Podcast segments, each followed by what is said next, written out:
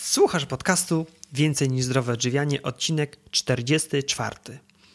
To nagranie będzie o tym, jak sobie radzić ze strachem i z lękiem. Ja nazywam się Michał Jaworski i w tych audycjach opowiadam o różnych aspektach zdrowego trybu życia. Jeżeli naprawdę, naprawdę zależy Ci na tym, czym karmisz swoje ciało i umysł, to te podcasty są właśnie dla Ciebie. Witam Cię w sposób szczególny w ten wakacyjny lipcowy dzień. Nie wiem jak Ty, ale ja z całą rodziną w pełni oddajemy się urokom wypoczynku wakacyjnego i to, że teraz mi akurat słuchasz, to efekt intensywnej pracy jeszcze przed wakacjami. Wtedy niemalże dzień po dniu nagrywałem odcinki podcastu po to, aby latem mieć trochę wytchnienia, mieć czas na odpoczynek. A ty, abyś w tym czasie miała, miał stały dopływ kolejnych odcinków podcastu do przesłuchania. Mam gorącą nadzieję, że tego odcinka słuchasz właśnie podczas, albo może w oczekiwaniu na już nadchodzący wakacyjny wypoczynek. Dzisiaj mam dla Ciebie wyjątkowo ciekawy temat. Początkowo miała to być rozmowa tylko o radzeniu sobie ze strachem. Jednak Tomek jest tak fenomenalnym rozmówcą, tak ciekawym człowiekiem, że tematyka dzisiejszego nagrania jest znacznie, znacznie szersza. Tomek Kozłowski jest między innymi rekordzistą Europy w najwyższym skoku formacji spadochronowej z balonu na nagrzane powietrze. Skoczył razem z dwoma innymi śmiałkami z wysokości 10 735 metrów. Czy się wtedy bał? Oj tak. Czy bał się tylko troszeczkę, czy też dużo, dużo bardziej? Bał się koszmarnie, wręcz panicznie i zupełnie zupełnie nie wstydzi się o tym mówić. A dlaczego? Bo tak naprawdę boi się każdy normalny człowiek. Szczególnie, gdy ma skoczyć z ponad 10 km. To jasne. Jednak to, co wyróżnia Tomka od typowego człowieka, to fakt, że on sobie z tym strachem potrafi poradzić. A jak sobie z tym strachem potrafi radzić? Na to pytanie, jak i na wiele innych ciekawych pytań, odpowiedź znajdziesz w tej rozmowie. Zapraszam. Cześć Tomku, witam cię serdecznie. Witam, dzień dobry. Przedstaw się proszę słuchaczom.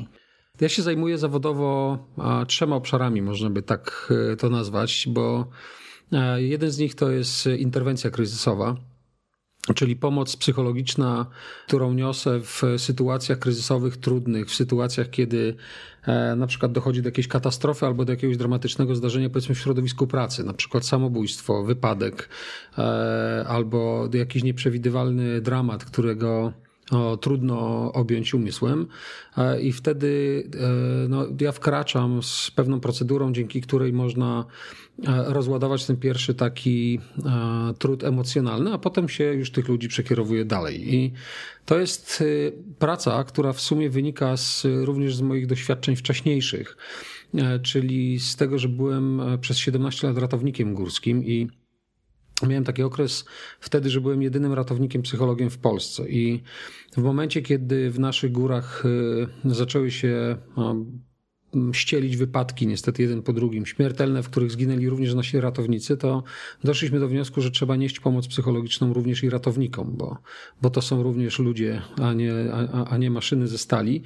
I to ostatecznie właśnie wprowadziło mnie na tę drogę tej interwencji kryzysowej, właśnie dlatego, że ktoś musiał to zrobić. I jak się okazało, to jest w ogóle bardzo interesująca praca, ale równolegle rozwijając tę pracę e, w interwencji kryzysowej, zacząłem się interesować też procesem grupowym, ponieważ obserwowałem ratowników w bardzo trudnych sytuacjach. Sam byłem e, setki razy w tego typu sytuacjach i zobaczyłem, że te zespoły potrafią się podnieść nawet po takim dramacie jak strata bliskiej osoby bądź nieuratowanie życia osoby, którą, e, którą tam ratowaliśmy. I, e, I to wprowadziło mnie w, właśnie w obszar pracy z zespołami i z grupami ludzi, bo początkowo, zresztą jak każdy ratownik, musiałem z czegoś żyć, więc oprowadzałem tam tych ludzi po, po górach, po jakichś jaskiniach, spałem gdzieś z nimi w jakichś norach śnieżnych, ale zobaczyłem, że do tego można wprowadzić taki element edukacyjny, czyli żeby z tej integracji zabawy jeszcze coś wyciągnąć, wiążąc to również z tą moją, e, z tymi doświadczeniami, z wiedzą z interwencji kryzysowej. I Trzeci obszar mojej pracy to jest to, co jest związane ze skokami, co jest konsekwencją tego skoku ze stratosfery, co jest konsekwencją takich moich zainteresowań outdoorowych, ponieważ to ostatecznie spowodowało, że dzisiaj e, mam ogromną przyjemność e, dzielić się z ludźmi moimi doświadczeniami z połączenia właśnie tych rzeczy, tych trzech obszarów, które ostatecznie skończyły się tym, że połamałem wszystkie swoje lęki mhm. i, i, wchodząc w taki bardzo trudny obszar mojego życia, czyli tego, żeby no, dokonać takiej rzeczy jak właśnie skok ze stratosfery z balonu, mogłem doświadczać też siebie jako E, jako osoby, która jest no, zwykłym człowiekiem, e, przepełnionym lękami, strachami i, e, i, i budowaniem w sobie jakichś bardzo dramatycznych wyobrażeń, ale mimo tego da się. Bardzo szerokie spektrum zainteresowań i kompetencji. Powiedz trochę więcej o tym skoku ze stratosfery. Skok ze stratosfery to wydarzenie, które, którego koniec, którego finał miał miejsce 4 grudnia 2014 roku e, i on e, zwieńczony był tym, że wlecieliśmy na wysokość 11 120 metrów balonem na ogrzane powietrze czyli w zasadzie do stratosfery i e, wtedy ten balon zaczął tracić wysokość i, i skoczyliśmy z niego we trzech. I teraz to się działo w ciągu godziny, natomiast ten skok był poprzedzony y, ponad dwoma latami przygotowań, bo mieliśmy bardzo dużo różnych rzeczy do przetestowania, do sprawdzenia i do wymyślenia również, ponieważ nikt jeszcze w historii nie wyskoczył z balonu ze stratosfery formacją. To, co nas trzech różni od innych tego typu skoków, które były wyższe i były większymi wyzwaniami, to my jako jedyni skoczyliśmy to formacją, a a trud polegał na tym, że w, no, na wysokości 11 tysięcy metrów, gdzie jest bardzo rzadkie powietrze, a każdy z nas ważył około 140 kg, to spowodowało, że w pierwszej fazie tego lotu w tym rzadkim powietrzu osiągnęliśmy prędkość 356 na godzinę. A w sytuacji, kiedy mogłoby dojść do jakiegoś zderzenia albo do, do, do utraty kontroli, a zresztą o kontrolę tam dość trudno, mówię o kontroli nad ciałem i nad mhm. sobą, no to no, mogłoby się to niestety skończyć dość e, dramatycznie, ale okazało się, że wszystko poszło świetnie. Czym taki skok z 11 tysięcy metrów, oprócz tego, że lecieliście w formacji, różni się od takiego normalnego skoku z 4000? Wszystkie skoki, które są odbywane z wysokości do 4000, nie, nie mają żadnych specjalnych wymogów. To znaczy, oczywiście, te, te wymogi, które się, są związane ze skokami spadochronowymi i które warunkują, że ten sport jest niezwykle bezpieczny, to są podstawowe, takie jak dotyczące właśnie sprzętu, samolotu, spadochronu, noża, kasku i tak dalej. Takich podstawowych rzeczy. Natomiast wszystko, co jest powyżej 4000, musi się odbywać z użyciem tlenu.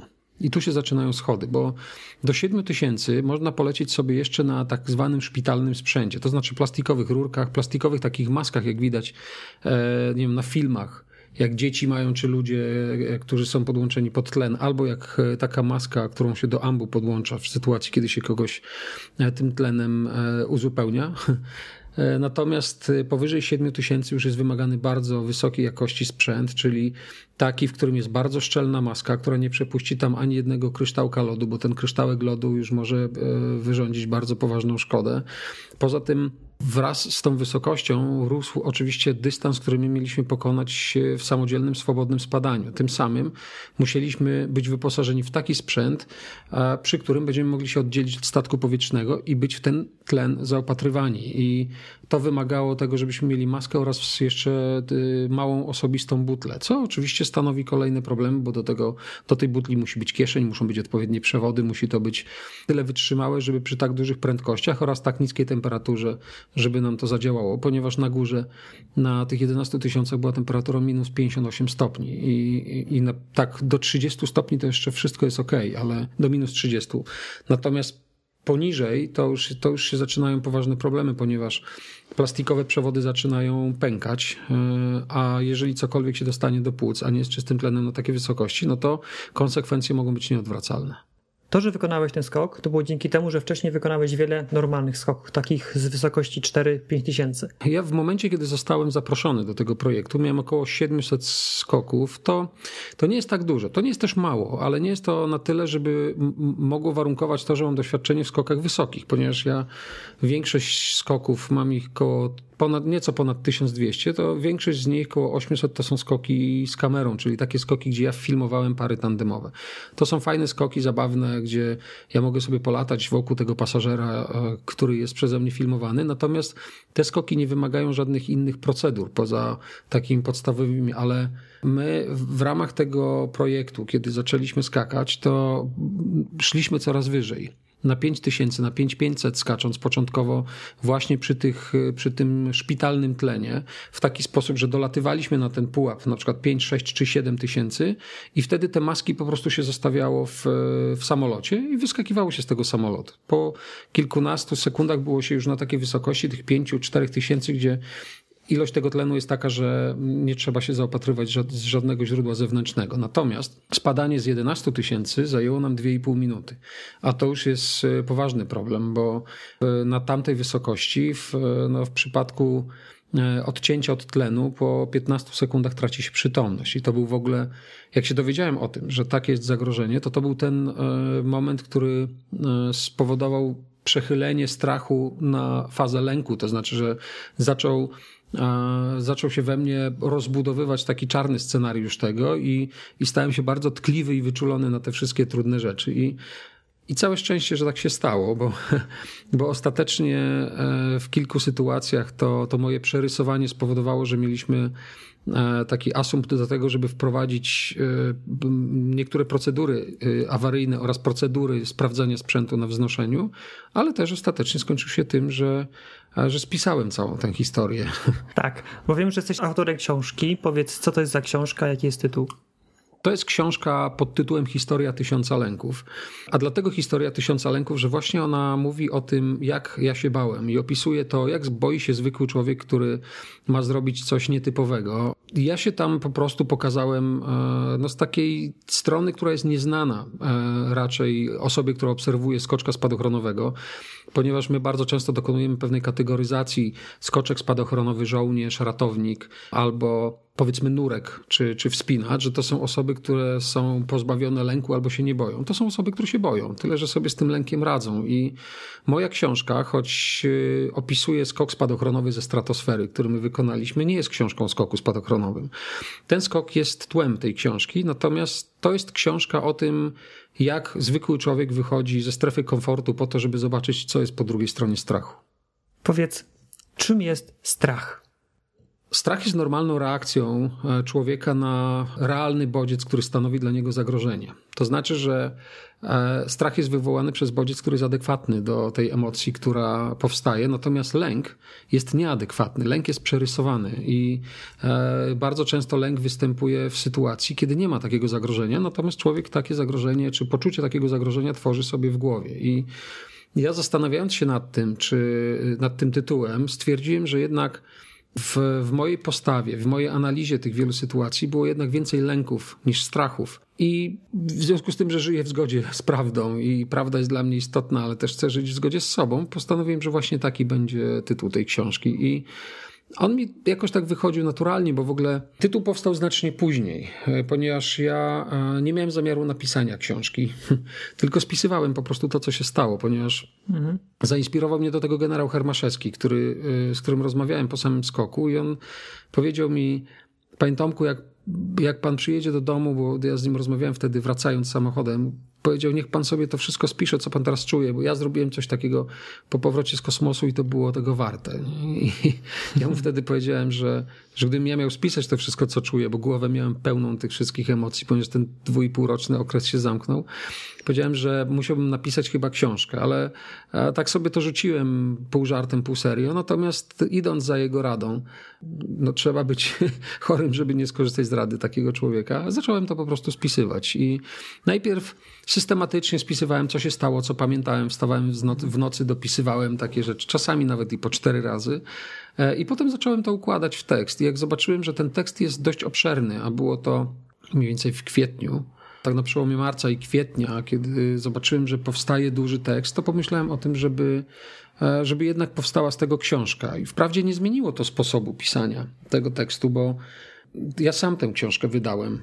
Nikt nie wpływał na styl, na, na jakość tego, na ilość rozdziałów, czy na to, jakie tam rozdziały są, choć było kilka wydawnictw, które chciały, żebym pod ich, powiedzmy, kuratelą to napisał, ale bardzo chciały to wszystko pozmieniać. Natomiast y, y, ja w związku z tym, że byłem przekonany, że nic z tej książki nie będzie jakiegoś dużego, to pomyślałem, napiszę to jednak dla siebie i po swojemu. I E, I bardzo się z tego cieszę, ponieważ ja też nie chciałem, żeby, żeby doszło do sytuacji, w której miałbym do kogoś pretensje, że, że na przykład coś kompletnie nie poszło, albo że książka jest bardzo źle oceniona przez moich bliskich, bo, bo byłby tam czyjś styl, ale ostatecznie skończyło się to dla mnie nieprawdopodobną przygodą, bo, bo rok 2015, który miał być rokiem odpoczynku, stał się najbardziej intensywnym rokiem mojego życia i chyba najfajniejszym. Pisanie tej książki było czymś, czego ja nawet nie potrafię nazwać. To e, frajda, przyjemność, zaangażowanie i, i czas, który spędziłem poszukując możliwości tylko napisanie tego. Ja, ja zacząłem zmieniać swoje życie zawodowe, żebym tylko nie jeździł mhm. samochodem, mhm. żebym mógł jeździć pociągiem na przykład. Przychodziłem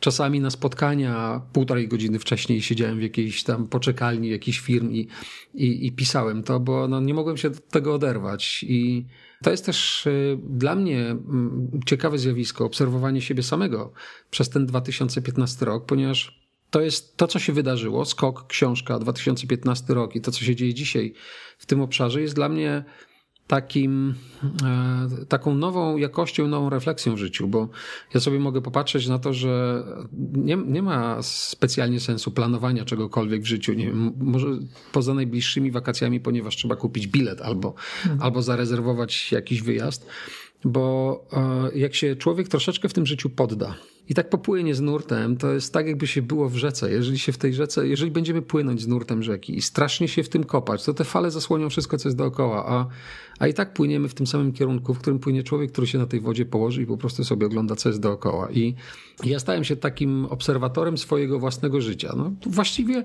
z punktu widzenia kogoś z zewnątrz, ono było nudne, nie? No, bo facet siedział i pisał sobie jakiś tekst, nie? Ale z punktu widzenia moich emocji, radości i, i, tego właśnie zaangażowania i takiego, takiego wigoru, który mnie pchał do pisania tego tekstu, no to, to, to był to rok fantastyczny. Podoba mi się Twoja analogia do, do rzeki, tylko tutaj mam takie małe zastrzeżenie. Wszystko dobrze pod warunkiem, że weszliśmy do dobrej rzeki. Tak, to prawda, ale skąd będziemy wiedzieć, czy rzeka jest dobra, skoro jej nie przepłyniemy? Nie? E, tak. Ta analogia jest, e, jest ważna, ale to fajnie, że się, że się przy tym zatrzymamy chwilę, bo e, z drugiej strony my nie wiemy, ile tych rzek mamy do wyboru. Nie wiemy, czy po drugiej stronie góry jest również rzeka, czy mamy przechodzić, czy może tą gdzieś dopłyniemy. I wydaje mi się, że jeżeli będziemy czekać na tę właściwą rzekę, to może się okazać, że to wszystko wyschnie, albo przyjdzie zima i to wszystko zamarznie, nie będziemy mieli już czym popłynąć. I e, odniesienie do tej sytuacji jest w, w mojej książce, ponieważ ja rozmawiałem ze sponsorem, e, który wsparł nas w tym projekcie, ale też i w mojej książce, który jest moim klientem, ale też człowiekiem, z którym mam wręcz przyjacielskie stosunki. On, kiedy powiedział, dobrze, pomogę wam w tym, czy moja firma w tym pomoże, powiedział mi, powiedz, czy ty się nie boisz? Ja powiedziałem, że strasznie się boję, że czasami bardzo chcę, że, że z, z drugiej strony tak samo mocno się boję. I mówię, że nie wiem, nie wiem, mówię, nie jestem do tego gotowy. A on mi powiedział, jeżeli, jeżeli będziesz w 100% gotowy, to znaczy, że jesteś drugi. I miał rację, bo to jest tak, że my możemy czekać na to, aż będziemy przygotowani do skoku spadochronowego na przykład. Jak ludzie bardzo często mówią, jeszcze nie jestem gotowy, za bardzo się boję. Jak już będziesz gotowy, to już nie będzie sensu. W tym nie będzie emocji, w tym nie będzie odkrywania niczego, a w tym nie będzie niczego nowego. I to masz na myśli mówiąc drugi, tak? Tak, tak, żeby do drugi, że już ktoś, ktoś już do tej rzeki wejdzie, ktoś już tak. skoczy, ktoś zajmie twoje miejsce. I nie chodzi mi tutaj absolutnie o, o wyścig, o posadę czy o cokolwiek, tylko o to, że jeżeli my dokonujemy oceny, że jesteśmy w 100% gotowi, to tak naprawdę to jest subiektywna ocena. To wcale, to wcale nie znaczy, że jesteśmy w 100% gotowi. To znaczy, że sądzimy, że jesteśmy w 100% gotowi, ale to też może być złudne. Nie? Ile razy się zakładaliśmy, będąc w przekonaniu, że jesteśmy w 100%, że w 100% mamy rację, a potem sromotnie przegrywaliśmy. Tu się z Tobą zgadzam, bo ogólnie ludzie zwykle są w stosunku do siebie dużo bardziej krytyczni i rzadko kiedy jesteśmy w stanie powiedzieć, że jestem w 100% do czegoś gotowy. Zawsze jest to ten taki margines, do, do którego dążymy i, i tak jak mówisz, możemy, próbując przejść, przejść ten margines, możemy przegapić tę swoją rzekę. Mhm. Wiesz, to, to ta mądrość, którą powiedziałeś, była w, fajnie spuentowana przez Nelsona Mandela, który powiedział, że ciemną stroną naszego życia są nasze jasne strony. Czyli to, że nie dajemy sobie prawa do tego, żeby być mądrym, sprytnym, sprawnym, mhm. E, inteligentnym, podejmującym dobre, właściwe decyzje w oparciu o, o, o zdrową, fajną intuicję. Tylko myślimy, nie, ja raczej nie, ja nie dam rady, raczej nie, może trzeba by spytać kogoś mądrego. Nie dajemy sobie do tego prawa. Nie? Z drugiej tak. strony za każdą decyzją stoją jakieś drzwi. Przechodzimy przez jedne drzwi, tam są kolejne, kolejne, kolejne. My tylko sobie wyobrażamy, co jest za tymi drzwiami, ale możemy żyć w tym wyobrażeniu albo złapać za klamkę i przejść na drugą stronę. Zaraz przejdziemy do tego, jak pokonywać swoje lęki i strach. Ja tak króciutko podsumuję. Tomek, skoczyłeś z prawie 11 tysięcy metrów. Odbyłeś kilkaset albo już nawet teraz kilka tysięcy skoków spadochronowych. Pomagasz ludziom w dramatycznych sytuacjach. Powiedz, czego najczęściej ludzie się boją? Wiesz co, pierwsza rzecz, która przychodzi mi do głowy, to jest właśnie to, że ludzie się boją swojej ułomności e, i niezdolności do poradzenia sobie z sytuacją, której stawiają czoła. Mówiąc krótko, nie wierzą we własne siły. I wydaje mi się, że jeżeli się spojrzy na ludzi sukcesu, E, na ludzi, którzy budują biznesy albo, e, albo tworzą wielkie dzieła, albo robią coś, co jest spektakularne i duże. To nie są ludzie, którzy są wyjątkowi intelektualnie. To są ludzie, którzy podejmują decyzje. I nie chodzi o to, żeby ta decyzja była najlepszą, tylko żeby była podjęta, bo, bo cóż z najlepszych decyzji i najlepszych planów pozostających w szufladzie. I każda decyzja daje możliwość szerszego spojrzenia na kolejny aspekt życia. I wydaje mi się, że to jest to, że wokół nas są miliony ludzi, którzy mają świetne pomysły, którzy mają predyspozycję do tego, żeby coś zrobić, żeby coś osiągnąć, żeby zmieniać ten świat, tylko że oni po prostu nie podejmują tej jednej decyzji, nie wychodzą z domu i nie robią tego. To jest tylko tyle. I dla mnie e, fantastycznym poligonem do obserwacji tego właśnie jest, e, są skoki spadochronowe z ludźmi. Kiedy przyjeżdża facet, czy, czy, czy, czy kobieta, czy ktokolwiek, czy nastolatek e, przerażony na tę strefę, widać, że trzęsą mu się ręce, choć tam uśmiecha się do tej kamery, bo ktoś go filmuje, e, leci przerażony na górę, e, pod, wypływa mu tam spod włosów, wyskakuje z tego samolotu razem z tandem pilotem i jest przerażony, ale Dwie sekundy później, jak ustabilizuje lot i spada z prędkością 200 km na godzinę, jest nieprawdopodobnie uśmiechnięty, szczęśliwy, radosny i nawet nie zdaje sobie z tego sprawy, bo dopiero jak lądujemy, to ten człowiek mówi, Jezu, jak ja się bałem, a ja, a ja mówię, chodź zobaczysz, co jest na filmie. I na filmie okazuje się, że jest rozradowana osoba i ci ludzie tego się najbardziej boją.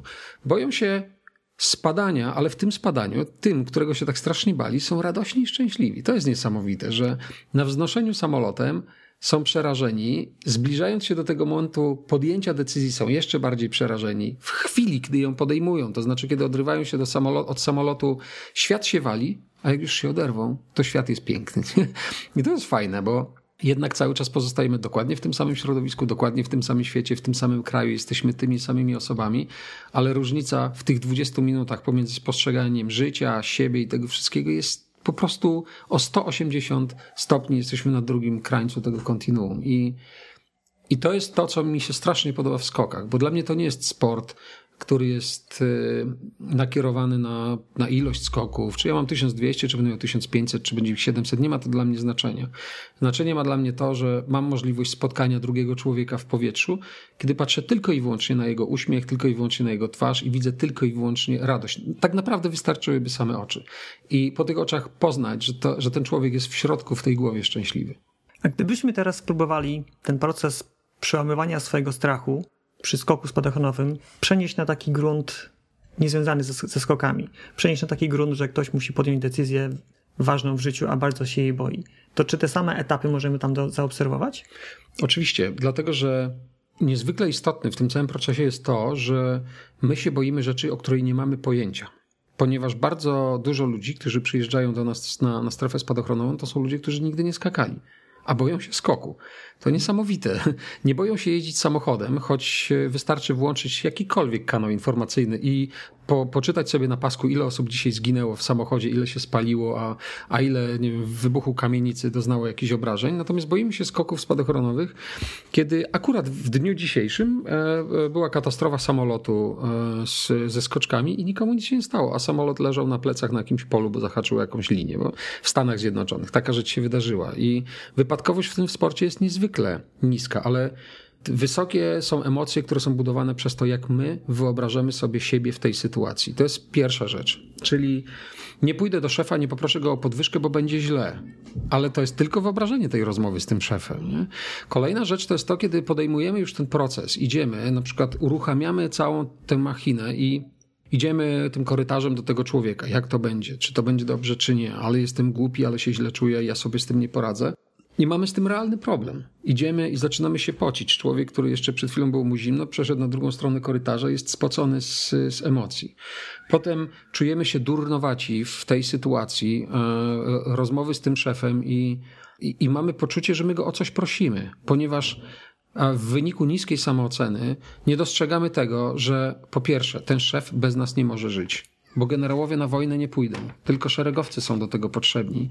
I e, my jesteśmy dla nich niezwykle istotni. A druga rzecz to praca jest wymianą szef nie daje nam pieniędzy, dlatego że nie wiem, że jesteśmy fajni, a on ma po prostu gdzieś pieniądze, pieniądze w kieszeni. To po pierwsze nie są jego pieniądze, a po drugie te pieniądze bierzemy za pracę, za nasze kompetencje, kwalifikacje, wiedzę, doświadczenie, za to, co wnosimy swoją osobowością, za to, jak jesteśmy zaangażowani e, i za to, jak jesteśmy efektywni. I teraz analiza siebie pod tym kątem że jesteśmy dobrzy, sprawni, fajni, rzeczywiście pozwala nam dostać tę podwyżkę, zdobyć, nie wiem, tę dziewczynę, czy, czy porozmawiać z, z rodzicem w, w jakiejś sprawie trudnej. I niezwykle istotną rzecz, jeżeli możemy się odnosić do skoków, jest kwestia lęku przed całą tą sytuacją. Dlatego, że ja dostrzegam i ludzie teraz po, po, po, napisaniu mojej książki bardzo często pytają mnie o lęk i pytają, jak się go pozbyć. Natomiast ja uważam, że nie tędy droga, żeby się tego lęku pozbyć. Wręcz przeciwnie. Uważam, że przede wszystkim trzeba go zaakceptować, bo jeżeli się go zaakceptuje, to się go zdiagnozuje. My będziemy wiedzieć, czy to jest lęk, czy to jest strach, czy on dotyczy nas, czy on dotyczy drugiej osoby, czy on dotyczy przyszłości, pieniędzy, e, dziecka, mieszkania, czy, czy czegokolwiek. Jeżeli go zaczniemy diagnozować i troszeczkę rozkładać na części pierwsze, to e, w momencie, kiedy tego wroga poznamy, on już staje się troszeczkę bardziej przyjazny, ale jak go zdiagnozujemy, to wtedy e, możemy spokojnie przeciwdziałać temu, kogo znamy. No, z, z, nieznanym wrogiem to jest, to jest jak walka z terrorystą. No, po prostu my nie wiemy, kto jest, gdzie jest, jakie ma środki, jakie, co i gdzie podłoży. Natomiast jeżeli wiemy, ilu ich jest, gdzie są, to tylko przeciwdziałać. Nie? Dobrze. Powiedziałeś, że na początku, że strach jest czymś normalnym, że się mhm. czegoś boimy, natomiast lęk już raczej nie. Tak. I teraz mówisz, żeby poznać ten lęk, tak? Tak, żeby zobaczyć, czy to jest lęk, mhm. czy to jest strach. Jeżeli my będziemy mieli zdolność do tego, żeby odróżnić jedno od drugiego, no to zobaczymy, bo być może, e, jeżeli zobaczymy, to jest lęk, to jest przerysowane, to jest e, nierealne i to zagrożenie nie istnieje, to on sam sobie może po prostu zniknąć. Dlatego albo, albo stanie się strachem. Gdzie towarzyszy nam strach? Towarzyszy nam strach, kiedy idziemy do internisty, bo coś nas boli.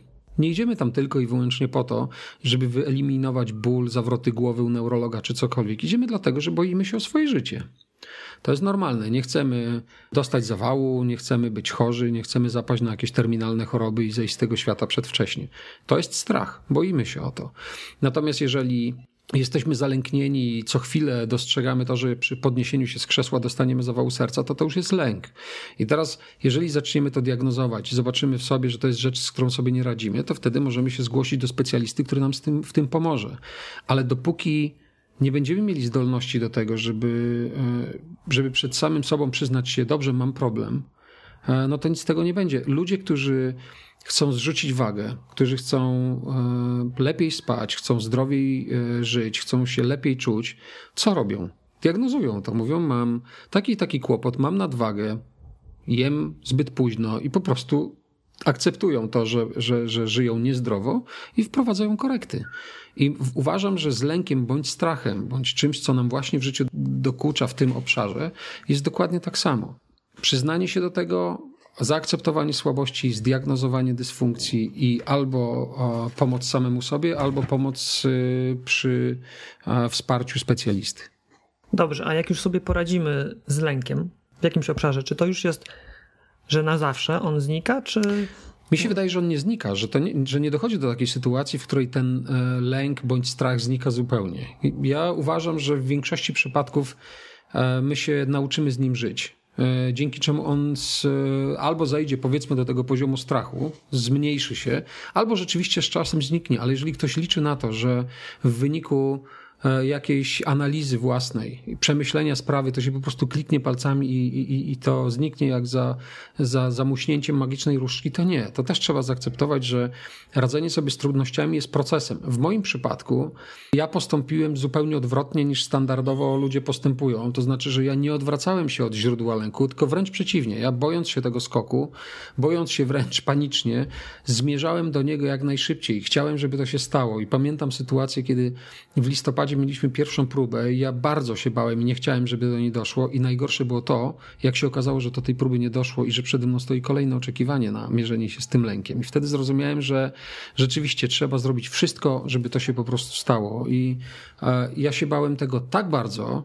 tak za bardzo, że, że to wszystko było tak nadmuchane we mnie, że w końcu to pękło. To po prostu się roztrzaskało jak, jak balon przebity szpilką. I dzisiaj odczuwam w dalszym ciągu pewne emocje y, negatywne związane ze skokami, na przykład na wznoszeniu, kiedy telepię samolotem albo kiedy jest pilot, którego nie znam, ale to nie są rzeczy, które mnie paraliżują i powodują, że ja się z tego sportu wycofam. Co, co świadczy o tym, że, że w tej chwili jest to strach, a nie lęk. Chociaż wydaje mi się, że gdybym bardziej poznał i bardziej zbliżył się do tego, jak działa samolot, jak działa ten samolot, którym my akurat latamy, jakie są jego e, graniczne możliwości, to myślę, że bardzo bym się zdziwił, że to, czego się czasami boję w czasie, w czasie wznoszenia, to to jest 5% jego możliwości. Mógłby się o wiele bardziej przychylić, o wiele, o wiele bardziej telepać i z o wiele większym obciążeniem wystartować. I to jest to, co mówiłeś wcześniej, to jest te poznanie tego wroga, na ile on jest silny i na ile może nam zrobić krzywdę. I czy ten wróg jest wrogiem? No tak. Rozumiem, że strach jest czymś w miarę normalnym. Tak, strach jest zjawiskiem adaptacyjnym, bo dzięki temu, że coś nas boli, dzięki hmm. temu, że czegoś się boimy, jesteśmy w stanie temu przeciwdziałać. Tak jak w przypadku e, mrozu. Gdyby ludzie nie nauczyli się e, temu przeciwdziałać, to nigdy nie dotarliby w tę część globu, nie mówiąc o Norwegii czy, czy Alasce, bo żyją tam właśnie dzięki temu, że nauczyli się przeciwdziałać naturalnemu środowisku. I lęk i ból to, to jest naturalne zjawisko w środowisku, w którym my żyjemy, a my żyjemy w naszej skórze i powinniśmy o nią dbać. I trzymając się tego przykładu z mrozem, gdyby ludzie lękali się mrozu panicznie, no to w ogóle by nie wychodzili, nie zrobiliby tej kurtki i nie doszli do jakiegoś tam miejsca na kuli ziemskiej, tak? Tak, ale dlatego, że się go boją, a nie lękają, to, to stawili mu czoła. No musieli zobaczyć i go zbadać. Mhm. Dobrze, to niska temperatura jest taka i taka, musimy, nie wiem, zabić do tego jakieś zwierzę, z którego weźmiemy skórę i dzięki temu przetrwamy w tych y, warunkach. I oczywiście też mieli jakiś powód, żeby na tę północ iść, czy uciekać przed kimś, czy nie, ale z antropologicznego punktu widzenia to jest ułamek sekundy, to, że, że my jesteśmy w tej części globu, bo jak pokazują zresztą badania, to ludzie, którzy są na północy, mają bardzo poważne problemy ze snem, a jedna z hipotez mówi o tym, że jeszcze się nie nauczyliśmy żyć w środowisku, gdzie jest tak mało światła słonecznego i że to się oczywiście melatoniną stymuluje i różnymi, e, różnymi pomysłami, typu tak jak w norweskiej jednej wiosce, która jest bardzo mało nasłoneczniona, wstawiono jakieś bardzo potężne lustra, które tam dostarczyły światło słoneczne i okazało się, że zachorowalność na depresję spadła o 30%. Mhm. Więc to pokazuje, jak e, my sądzimy, że mając kurtkę puchową jesteśmy już panami tej planety, ale chyba jeszcze tak nie jest. I wydaje mi się, że to jest troszeczkę jak e, e, ujarzmianie różnych żywiołów typu wykorzystywanie wody do pozyskiwania energii czy wiatru, to to jest tak naprawdę poddanie się naturze i, i współpraca z tą naturą, a nie jej przeciwdziałanie. Rozumiem. Powiedz Tomek, jak ty sobie radzisz z lękami?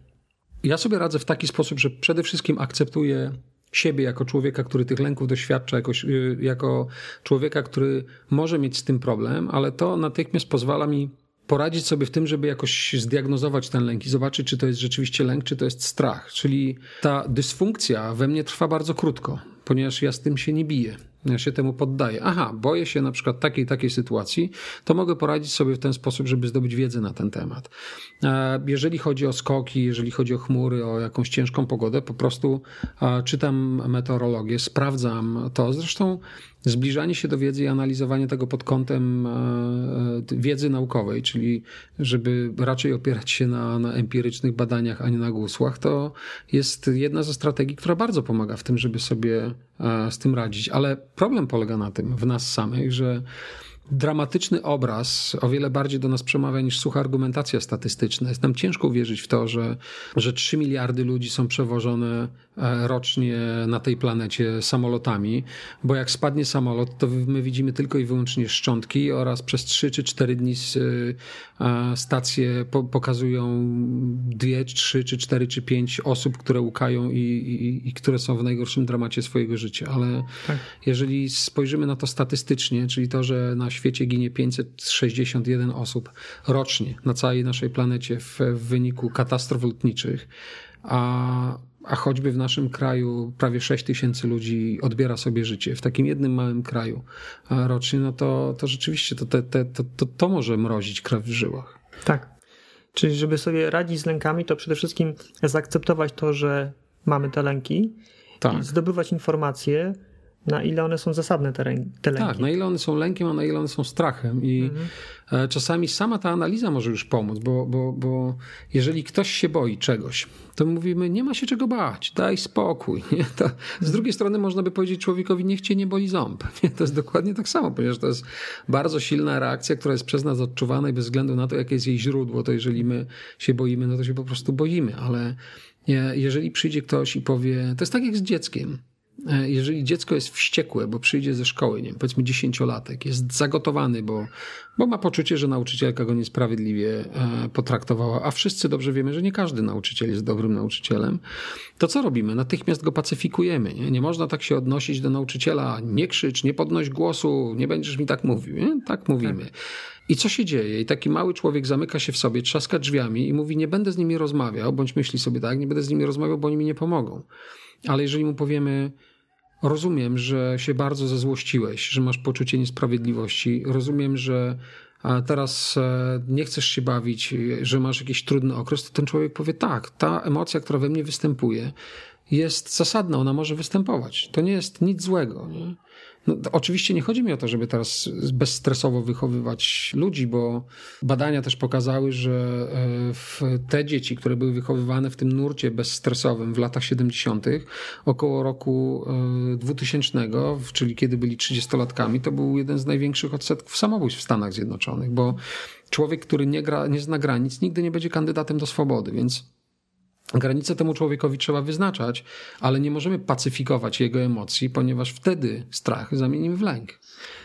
Teraz przekładając na grunt strachu i lęku, jeżeli ktoś się czegoś bardzo boi, to nie możemy mu mówić, że nie bój się, tylko możemy jakoś wskazać mu drogę, żeby sam, żeby zaakceptował ten swój lęk i sam sprawdził, czy on rzeczywiście jest lękiem, czy strachem. Tak, wiesz, patrząc na to z ludzkiego punktu widzenia, tak, powinniśmy to zaakceptować, ale patrząc na to nieco szerzej z zawodowego, czy psychologicznego, czy warsztatowego wręcz punktu widzenia, to e, radzenie sobie na przykład z różnymi fobiami, to oczywiście jest bardzo dużo nurtów i bardzo dużo różnych sposobów na to, żeby sobie poradzić, ale są takie to są takie metody odczulania, to znaczy, że powoli e, wprowadza się człowieka w stan, w którym on zaczyna ten bodziec akceptować. Powiedzmy, że to jest pająk.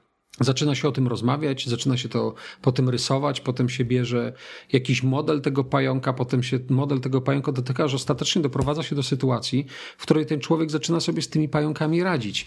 Tu nie chodzi o to, żeby powybijać wszystkie pająki na świecie, bo tego się nie da zrobić. Y, chodzi o to, żeby ten człowiek nauczył się z tym żyć i żeby zrozumiał, że ten mały pająk nie jest w stanie wyrządzić mu krzywdy. Natomiast on może po prostu w głowie tego człowieka urastać do, do, do monstrualnych rozmiarów i jeżeli on tak widzi, widzi tego pająka, to, tak, y, to taką krzywdę ten pająk mu wyrządza. I tak samo jest z tym, jak my neurotyzujemy nasze dzieci, jak każemy tym dzieciom, żeby były grzeczne, miłe, dobre, żeby spełniały nasze oczekiwania, żeby dzieliły się zabawkami w piaskownicy, żeby słuchały starszej pani, żeby pocałowały ciotkę, choć ciotka ma wąsy bardziej kujące niż wujek. I chcemy 30 lat później, żeby ten sam człowiek był asertywny, twórczy, żeby miał swój pomysł na życie, żeby potrafił przeciwstawić się oprawcom i niesprawiedliwości. Ale jak? Mhm. Skoro najpierw go pacyfikujemy i każemy mu dostosowywać się do całego otoczenia. Dobra.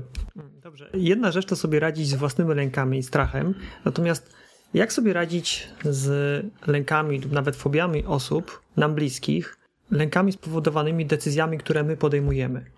Trzymając się Twojego przykładu, jedziesz na strefę, będziesz skakał ze spadochronu, a żona, żona na ciebie patrzy i się zastanawia, czy ty wrócisz i się boi. Hmm, bardzo ciekawe, bo to jest powszechna opinia, ponieważ moja żona w ogóle się nie martwi yy, i w ogóle się nie boi, czy ja wrócę. Ona się boi, jak ja jadę prowadzić szkolenie czy wykład samochodem. Wtedy się boi. Nie boi się, jak jestem na skokach, ponieważ wie, że ja bardzo yy, rzetelnie i porządnie podchodzę do tego sportu i tak jak powiedział mi yy, mój instruktor na początku, ale również jak generał Hermaszewski powiedział mi tuż przed tym dużym skokiem, powiedział, panie Tomku, jak będziecie przestrzegać procedur, to nic wam się nie stanie. I te procedury są takie same w życiu to jest uczciwość, rzetelność, to jest słowność, to jest posiadanie kręgosłupa i obrona siebie, to jest odwaga cywilna. I dzięki temu e, lepiej nam się żyje, choć może nie wszyscy podzielają nasze poglądy, ale nie podzielają ich dlatego, że ich nie znają. I tak samo ludzie sądzą, że żony skoczków siedzą w domu e, i, i obgryzają paznokcie po łokcie, a że ten, czy ten facet wróci, czy on nie wróci. A ja pamiętam, jak obserwowałem kiedyś, jak mój syn był przez kogoś pytany, e, co tato robi, czym on się zajmuje i jak on do tego podchodzi. Mówi, a to tato teraz poleciał się pobawić. To, to, jest, to jest dla niego to. No. Dla niego moje skoki są tak, jak dla niego gra na komputerze. Po prostu tato sobie coś tam robi, bawi się tym, tylko że mój plac zabaw ma 4 kilometry, no, a jego 40 no. calów. Dobrze, może przykład, przykład nie był do końca szczęśliwy. Wymyśliłem inny. On był bardzo ważny. Ten mhm. przykład jest bardzo ważny, ponieważ on pokazuje, że czasami my mamy pewną wybudowaną opinię na podstawie kilku przesłanek i wyciągamy z tego bardzo daleko idący wniosek. Ale mhm. wracając do Twojego pytania, jak sobie radzić e, z lękami naszych bliskich bądź fobiami, to to jest bardzo duża różnica, bo lęk, czyli przerysowana jakaś emocja, a lęk fobiczny to już jest e, sprawa, którą powinien zająć się specjalista. I E, jeżeli rzeczywiście jest to fobia, a dzisiaj jest 3 na piątek 13, czyli dość znaczna fobia, której chyba doświadcza 9% populacji, tak zwana paraskewidekatriafobia. Tak przy okazji, to jest najdłuższe słowo w, w, we wszystkich schorzeniach. To rzeczywiście, jeżeli się cierpi z powodu trzynastki i dnia tygodnia, co jest w ogóle zabawne, bo na Węgrzech to jest wtorek 13, a we Włoszech to jest chyba piątek 15, o ile się nie mylę. Nie wszędzie jest to dokładnie tak samo. To to już jest poważny kłopot, bo jeżeli człowiek martwi się o swoje życie, bo leci samolotem bądź spada ze spadochronem e, w dół, to tu jest czynnik, który może powodować, że się boimy. Ten czynnik to jest to, że jest e, czynnik zewnętrzny. Jak jest skonstruowany spadochron, kto pilotuje ten samolot, kto prowadzi samochód, którym jedziemy. Ale jeżeli siedzimy w domu i boimy się liczby e, bądź daty, którą też wymyślił kiedyś człowiek, no to to, to już stanowi problem. I my, jako mieszkańcy tego samego mieszkania, bliscy, partnerzy, mężowie czy żony, my sobie z tym nie poradzimy. Dobrze, a jeżeli jest to lęk tego typu, że mąż wyjeżdża i będzie zdobywał Mount Everest? No to niestety statystyki pokazują, że e, himalajzm jest najbardziej śmiertelnym sportem. E, jest w nich największa grupa wypadków śmiertelnych i to niebezpieczeństwo jest, e, jest niezwykłe, ale jest ogromne, ale ja, jak znam moją żonę, to myślę, że ona nie stanęłaby e, mi na przeszkodzie, natomiast wiem też, że namawiałaby mnie do tego, żebym tego nie zrobił. Mhm. E, ja na przykład takiej granicy bym nie przekroczył. Ja się boję za bardzo, e, żeby iść na Everest, e, żeby zdobywać tego typu góry, czy iść w góry wysokie, bo po pierwsze zdaję sobie sprawę z tego, że jestem za słaby na to, fizycznie jestem na to za słaby, a po drugie byłoby to dla mnie za trudne. Ja kocham góry, ale w, równie dobrze mogę być nasycony w Alpach albo w Karkonoszach. Mhm. W swojej książce wspominasz o roli drobnostek, błahych spraw, które w dłuższej perspektywie mogą mieć olbrzymi wpływ na nasze życie, na decyzje, jakie podejmujemy. To jest właśnie ta jedna przesłanka, na której zaczynamy budować e, cały wniosek. To jest jak mały cukierek, który zaczyna być oklejony piaskiem, potem przykleja się do niego reszta. Nie wiemy dokładnie, co jest w środku, ale to już jest tak napawane, tak nadbudowane tymi wszystkimi naszymi pomysłami, że zaczyna się z tego robić bardzo poważny problem. Przyjmujemy błędne założenie, na przykład, że ktoś jest do nas źle nastawiony. I wszystko, co zrobi, jesteśmy w stanie zdiagnozować w taki sposób, że to jest na przekór nam. Wyciągniemy sobie z tego wniosek. Dlaczego? Dlatego, że nie chcemy spostrzegać siebie jako osoby, które są nieskuteczne, źle wnioskujące, robiące błędne założenia. I będziemy robić wszystko, żeby utrzymać tę wcześniej postawioną hipotezę. I to jest taki, taki mechanizm ojcostwa, że będziemy za wszelką cenę bronić tego swojego dziecka, żeby tylko się nie okazać e, osobą źle podejmującą decyzję. To, to jest bardzo powszechny trik stosowany w sprzedaży. Załóżmy, że Przychodzi człowiek do salonu samochodowego i chce kupić samochód, wybrał sobie ten model, zaczyna go oglądać i chodzi, i siada i dobrze się w tym czuje i tu już opowiada o tym, jaki będzie kolor tapicerki i co robi sprzedawca? Przychodzi i mówi, wie pan co, widzę, że pan się temu modelowi przygląda, ale on, on ma jedną wadę. No jaką? No, no, mają słabe lusterka te samochody. Albo na przykład tutaj niestety fatalnie się otwierają drzwi, albo na przykład źle obniżają się szyby. I co się dzieje? I kupujący zamyka sprzedaż. Myśli sobie, to ja pół godziny podejmuję tutaj decyzję i miałbym nie kupić tego samochodu z powodu takiej błahostki jak lusterko albo coś takiego i w ten sposób się tego niezdecydowanego jeszcze do końca klienta dociąga. I to jest właśnie to, że, że my robimy dokładnie to samo. Czy jak wchodzimy w jakąś grupę, to rozpoznajemy wcześniejsze inklinacje członków tej grupy i przerysowujemy to, co oni robią. Czy to jest zachowanie asekuracyjne, czy to jest zachowanie ryzykowne, to robimy 120%. Nowa miotła dobrze zamiata i, i z sobą samym robimy dokładnie to samo to jest potrzeba znalezienia dystansu i na przykład zatrzymania się i powiedzieć nie, ta, ta sprawa jest błaha, w ogóle nie będę się tym zajmował. Nie? To nie znaczy, że mamy się w życiu zajmować tylko i wyłącznie samymi ważnymi, wielkimi sprawami, ale chodzi o to, żeby przyznać się do tego, że popełniamy błędy. Bo to jest to, że jeżeli nie mamy takiej zdolności, to jest ta błahostka, która narośnie potem takim kapitałem, który nas przysypie przyznać się do tego, że popełniamy błędy. Żeby ten cukiereczek nie obrósł taką wielką warstwą, pod którą już nie zobaczymy, że to jest błahostka. To ciekawe, nie? Bo ludzie nie mają trudności, żeby powiedzieć jestem zmęczony, jestem śpiący, jestem głodny. Ale to jest w pewnym sensie taka sama słabość, która wynika z tego, że na przykład jesteśmy bardzo zaangażowani w pracę, że pracujemy po 15 godzin. Nie mamy z tym problemu, ale mamy problem, żeby powiedzieć nie wiem czegoś powiedzieć na przykład dziecku, nie? nie wiem, nie rozumiem, nie umiem, ale jak mamy to dziecko nauczyć poszukiwania informacji, jeżeli my sami już wszystko wiemy? Nie? Tato wszystko wie, czyli można dojść do momentu, w którym się wszystko wie. Nie? E, I wydaje mi się, że dokładnie tak samo postępujemy e, w takich sytuacjach, nie? kiedy nie dajemy sobie prawa do tego, żeby przyjąć proste założenie. Mogę czegoś nie wiedzieć, mogę popełnić błąd, mogę być słaby, mogę być głupi i jeżeli nie przyjmujemy takiego założenia, a popełnimy błąd, skompromitujemy się gdzieś delikatnie w jakimś środowisku albo palniemy jakąś głupotę, to potem się będziemy męczyć całymi miesiącami, ponieważ budujemy sobie w samym, w samym sobie budujemy obraz siebie jako marmurowego, pięknego a, młodzieńca, który stoi jako ta figura na pomniku jest niewzruszona, ale ten marmur najczęściej jak się raz to puknie, to się rozsypuje na kawałki. Tak. Również w książce napisałeś, że że nie ma możliwości doświadczenia poczucia bycia spełnionym, jeżeli nie pokona się samego siebie. Tak, bo co to znaczy być spełnionym? Ja zastanawiałem się kiedyś nad tym, parę lat temu, ale w związku z tym, że tego nie zrozumiałem, to w ogóle porzuciłem temat. I ja dopiero jakiś czas po skoku zrozumiałem, co to znaczy być spełnionym. I wydaje mi się, że to jest takie poczucie, przynajmniej ja to tak rozumiem, że to jest takie poczucie, w którym człowiek mówi sobie, kurczę, jestem taki, jaki jestem i to jest fajne. Nie? To nie chodzi o to, żeby teraz pływać w rozkoszy nad samym sobą, ale akceptuję siebie takim, jakim jestem. Mogę popełnić błąd.